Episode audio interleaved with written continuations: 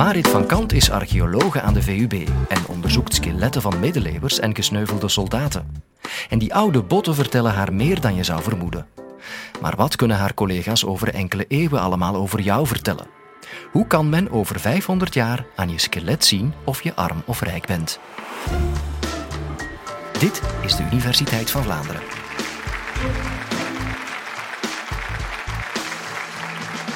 Jullie vragen je waarschijnlijk af waarom ik hier als archeoloog, annex botspecialist, met een arm in een verband loop. Nu, ik heb wel degelijk een bottrauma opgelopen.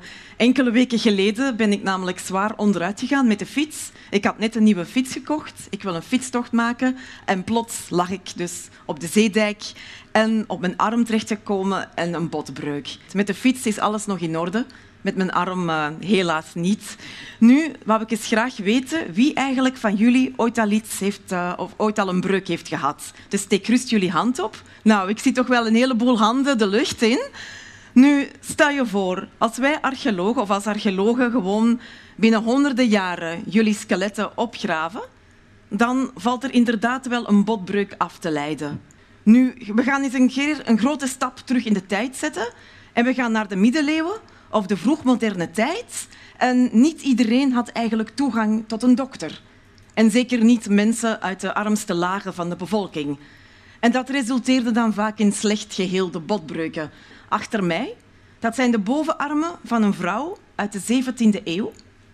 En haar resten werden een tijd geleden opgegraven uit het kerkhof van Deinze, nabij Gent. En die vrouw behoorde eigenlijk tot de armere klasse. En jullie zien het bot bovenaan heeft een breuk, een slecht geheelde breuk. En dat zien jullie aan de verdikking aan de schacht, dus aan het middenstukje van het bot, bovenaan. Nu, botbreuken is één ding dat we kunnen leren van skeletten.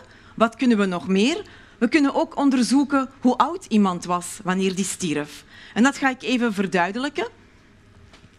Hier, we zullen zeggen, dit is een genderneutraal persoon.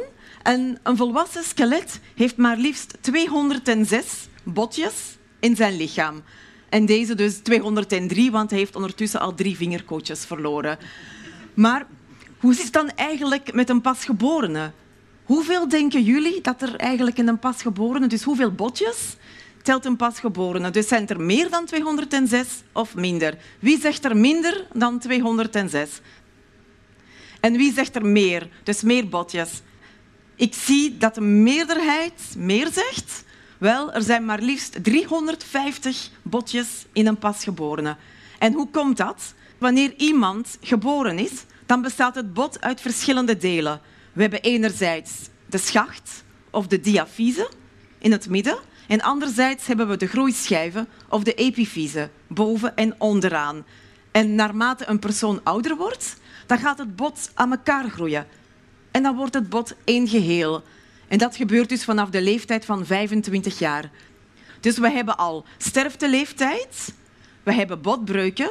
Wat kunnen we nog meer achterhalen?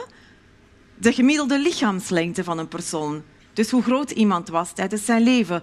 En dat doen we eigenlijk door het opmeten van de lange beenderen. Dus onder meer van dijbeen of femur, tibia of scheenbeen, of de arm of humerus. En wanneer archeologen skeletten opgraven, Jammer genoeg hangt er geen naamkaartje aan elk skelet. Dus moeten we nog onderzoeken of het een man betreft of een vrouw. En hoe doen we dat?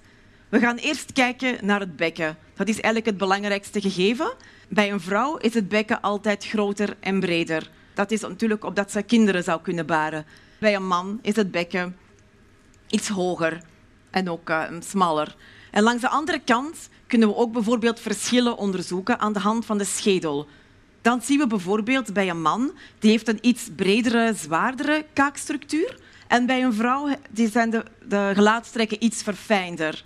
Maar ook de wenkbrauwkassen bijvoorbeeld bij mannen zijn over het algemeen robuuster. Maar uiteraard zijn er ook individuele verschillen. Bijvoorbeeld bij vrouwen uit het hoge noorden, die zijn al gemiddeld iets groter en hebben ook een gemiddelde zwaardere kaakstructuur. Dus naast die demografische gegevens van sterfteleeftijd, lichaamslengte en geslacht, kunnen we ook nog iets leren over bepaalde culturele tradities. Ook de sociale status die je had binnen een culturele groep. Neem nu bijvoorbeeld de Maya-cultuur. eeuwen geleden uit Mexico of Guatemala, dan werd bijvoorbeeld de schedel van een kind tijdens het opgroeien op bepaalde tijdstippen tussen twee plankjes geperst om zo tot een langwerpige schedelvorm te komen. En als archeologen dan honderden jaren later die schedel opgraven, dan denken die misschien van hé, hey, we hebben een alien gevonden. Maar niets is minder waar. Het zegt wel iets over de sociale status.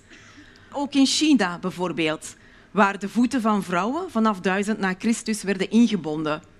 Ook dat is eigenlijk een schoonheidsideaal en een symbool van status.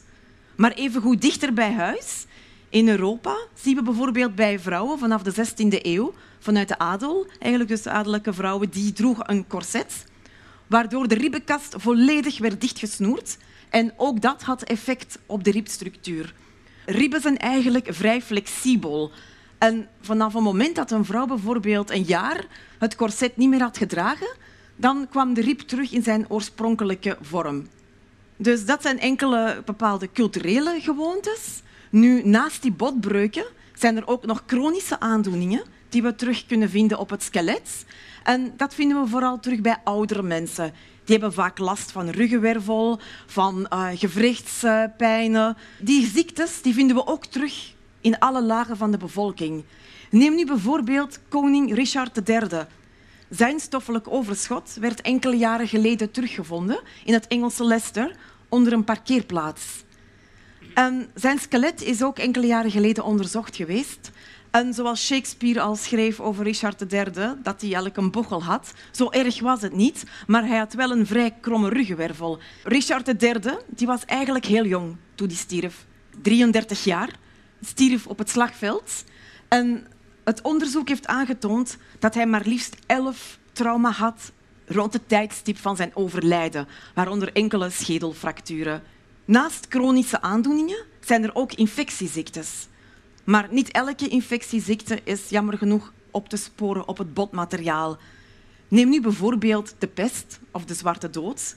Dat hevig in onze contraille woedde in 1347, maar later ook in de 17e eeuw. Mensen stierven binnen de enkele dagen aan die enge ziekte. En bot heeft tijd nodig om te remodelleren, om te veranderen. Maar ook infectieziektes treffen zowel arm als rijk. Bijvoorbeeld Karel de Grote, een koning, later keizer, uit de 8e, 9e eeuw na Christus, die hoogstwaarschijnlijk stierf aan een longinfectie. Einhard, dat was een tijdgenoot van Karel de Grote en een biograaf, schreef dat hij heel groot was, letterlijk, en dat hij tijdens de laatste jaren van zijn leven mankte. Nu, ook enkele jaren geleden is zijn skelet onderzocht geweest. Men heeft aan de hand van het scheenbeen zijn lengte opgemeten en het bleek dat Karel de Grote gemiddeld een meter 84 was, wat vrij groot was voor die tijd. En dat er verbeningen waren op het patella of het kniegewricht. En dat kan er dus op wijzen dat hij inderdaad de laatste jaren van zijn leven heeft gemankt. Naast eh, het botmateriaal kunnen we ook onderzoek doen op de tanden. Er valt heel veel informatie af te leiden uit het gebied. Bijvoorbeeld of iemand heel veel heeft gesnoept vroeger. En dat zien we aan karies of gaatjes. En zeker vanaf de 16e eeuw, vanaf de invoer van suikerriet, is er een hogere frequentie aan karies te bespeuren. Maar ook of iemand honger had geleden tijdens zijn kindertijd, ook dat kunnen we terugvinden op de tanden. En dat uitzicht dan in horizontale gekleurde lijnen op het tandemaai. Momenteel hebben we moderne chemische analyses die kunnen nagaan of iemand vooral veel vlees heeft gegeten, of vis, of juist een plantaardig dieet heeft genoten. En bij ons in België zijn zulke onderzoeken uitgevoerd. Bijvoorbeeld op de kloosterpopulatie uit de Ten Duinenabdij nabij Kokzijde. Dat is een middeleeuwse abdij. Maar ook uit het Karmelietenklooster uit de 17e eeuw nabij Aalst. Deze chemische analyses hebben aangetoond dat de priesters zich vooral te goed deden aan dierlijke eiwitten. Dus zij aten vooral veel vlees en veel vis. Van Karel de Grote is bijvoorbeeld geweten dat hij heel graag gegrild vlees at. En dat hij ook blijkbaar een stevig buikje had. Dus misschien dronk hij wel graag een pintje of twee of drie. Dus arm of rijk, als skelet voor een stukje gelijk. We kunnen dus wel heel veel informatie afleiden uit de studie van botmateriaal, Maar niet alles is met het blote oog zichtbaar. Bijvoorbeeld die infectieziektes. Dat uh, kunnen we wel doen aan de hand van chemische analyses. Wie weet, binnen 500 jaar zijn er weer heel veel nieuwe technieken ontwikkeld die bijvoorbeeld kunnen nagaan hoeveel pintjes jullie per dag dronken, hoe intensief jullie vingers hebben gebruikt om uh, tekstberichten te kunnen sturen en hoe snel mijn breuken waren genezen. Heb je genoten van dit college? Wil je meer horen? Bijvoorbeeld waarom je beter voorverpakt eten koopt of hoe je het duizelen stopt als je te veel gedronken hebt?